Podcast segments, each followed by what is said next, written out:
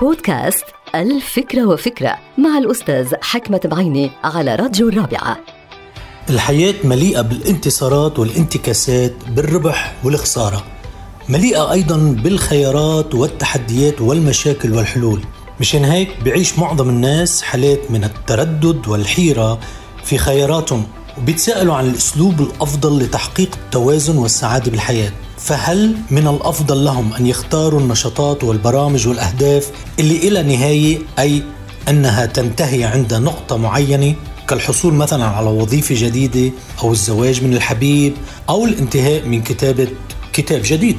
ويطلق على هذا النوع من الأهداف اسم تلك واللي بتعني النهاية. أما النوع الآخر من الأنشطة اسمه الأتلك يعني بلا نهاية. وهو برأيي الأفضل لأنه مستمر ومتواصل وليس لديه تاريخ انتهاء. فمثلا لا يمكن التوقف عن التحدث إلى الأصدقاء. هيدا اسمه أتاليك بروجكت ولا يمكن التوقف عن ممارسة الرياضة أو الاستماع إلى الموسيقى. يبدو أنه الأتاليك مهم جدا للسعادة. ولكن أنا مع الاثنين سويا.